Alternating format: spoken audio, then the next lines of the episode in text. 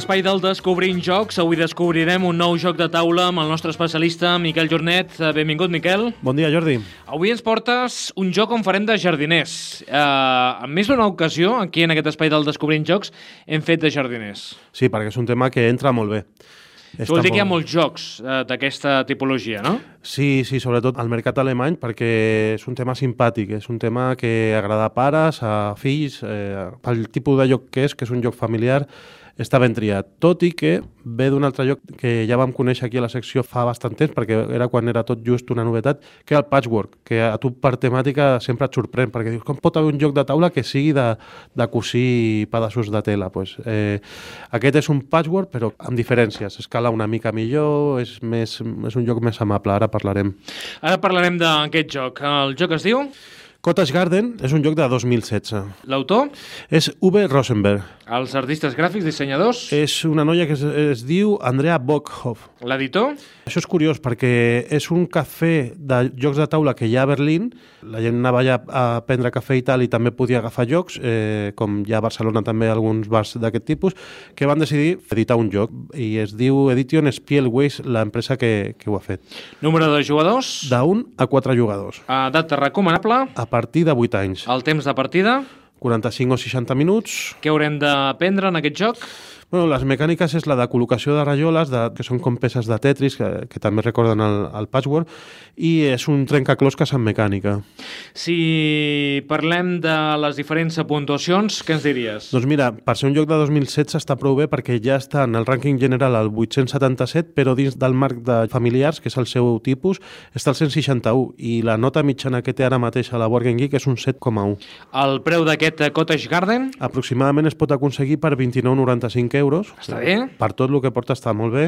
A qui agradarà aquest joc? Doncs mira, agradarà a aquelles persones que coneixen o no el Patchwork volen un joc similar, però que escali bé d'un a quatre jugadors, perquè el Patchwork és només per dos jugadors, i amb un tema i sobretot unes dinàmiques molt més amables, tranquil·les i accessibles, perquè Cottage Garden és un joc eh, plaent i reposat.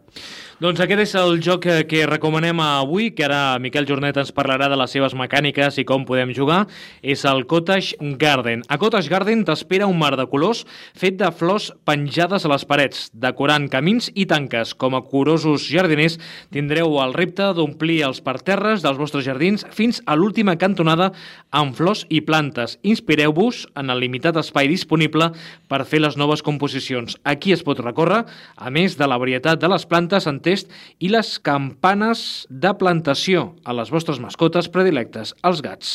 Tenim com dos cartronets que són per terres de 5 per 5 i dintre d'aquests cartronets venen preimpressos eh, alguns tests que són aquests, els típics de fang i també les campanes de plantació que són com petits hivernacles on es fa el planter per, per començar a fer una planta no?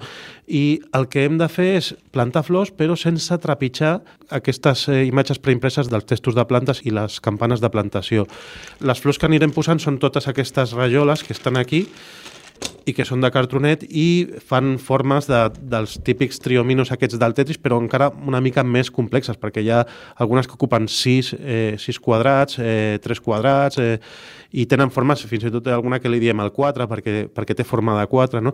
i has de col·locar-les intentant no trepitjar-te, i la forma d'agafar-les s'agafen d'un tauler central on va donant voltes un dau de color verd que representa un jardiner, és el jardiner que ens supleix.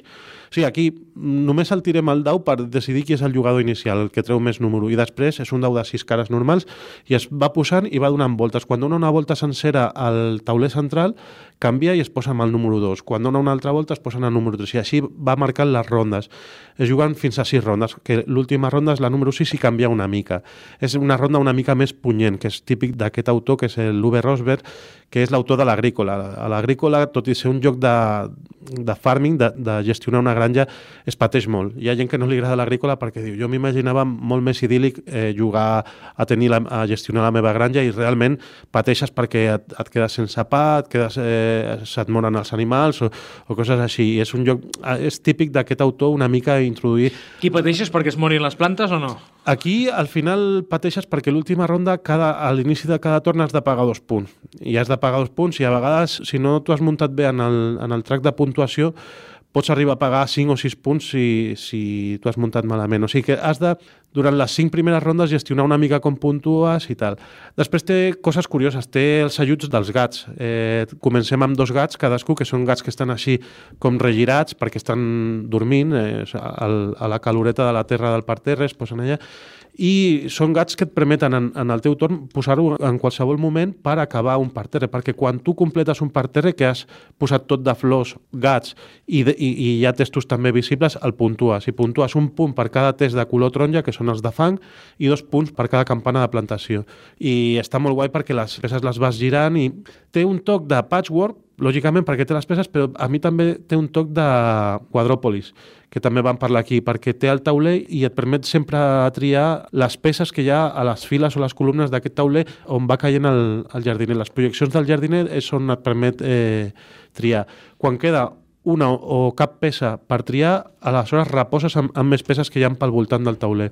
Doncs uh, farem una partideta, no?, d'aquest Cottage Garden. Està molt xulo. Aquí eh, ha tingut un, una, bastants crítiques aquí a, a nivell estatal a Espanya mm, perquè el joc, la primera edició que va sortir, aquesta, que és la que tenim aquí, va sortir amb una rata al tauler, però venia amb unes pegatines que l'editor va posar perquè tu t'ho acabessis corregint.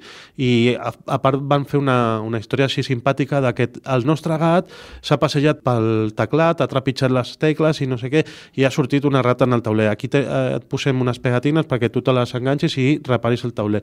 I només per això, perquè la gent està supersensible a les rates, van posar el crit al cel. I també la gent, els haters, perquè són haters, van dir és que és una, una mera còpia de, del password. Mm, doncs no, no és una mera còpia del password, perquè aquest joc escala d'un a quatre jugadors i per jugar amb nens a mi m'agrada més aquest és més familiar aquest, el patchwork és més competitiu és més el que... O sigui, t'agrada més uh, plantar flors que no cosir, no? Perquè l'altre és que és molt més eh, tallagargantes, que es diu, que és un joc que jo he acabat el patchwork algunes partides en negatiu, en canvi aquí sempre puntues i és, jo dic, és més accessible per jugar-ho amb nens.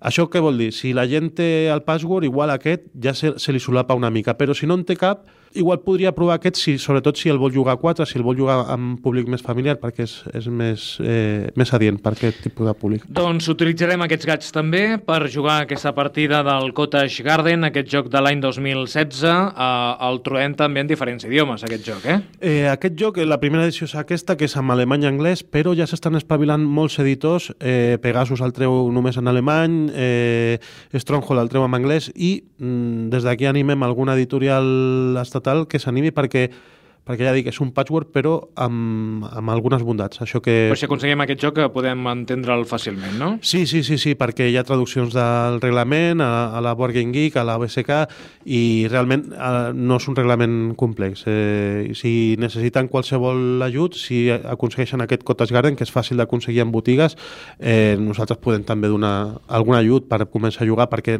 és molt senzillet. Doncs uh, perfecte. Miquel, quina música li posem avui? Doncs eh, havíem de, de trobar alguna música de jardí, de jardineria i sobretot de casa de, de, casa de camp, no? Beatles? Et sona Beatles, sí. Let me take you down Cause I'm going to Strawberry Fields Nothing is real Strawberry Fields Forever, eh? aquesta cançó dels Beatles. I tant, que puguem tenir una vida plaent per plantar les maduixes i el que ens doni la gana a la casa de camp. Home, si posem aquesta música de fons i juguem la partida, jo crec que ho farem d'una forma tranquil·la, no ens barallarem aquí, no? És un joc tranquil. Hi ha puteig també aquí o no? Eh, mm, ja, No. però mínim, Mínim, mínim. mínim. Sí, sí, sí. És un lloc, ja dic, que és una sensació molt solitària, molt de- d'estar creant el teu jardí. És un lloc que podries jugar perfectament a, a, a una terrasseta d'un jardí de, de cabana de camp, després de- d'haver fet les tasques de jardí, pues, posar-te allà prenent un té. I les mans ben netes, eh? Les mas... Sí, sí, sí. No, no, no les embrutarem.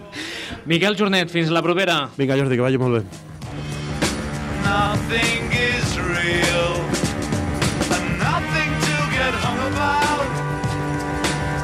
fairy feels forever.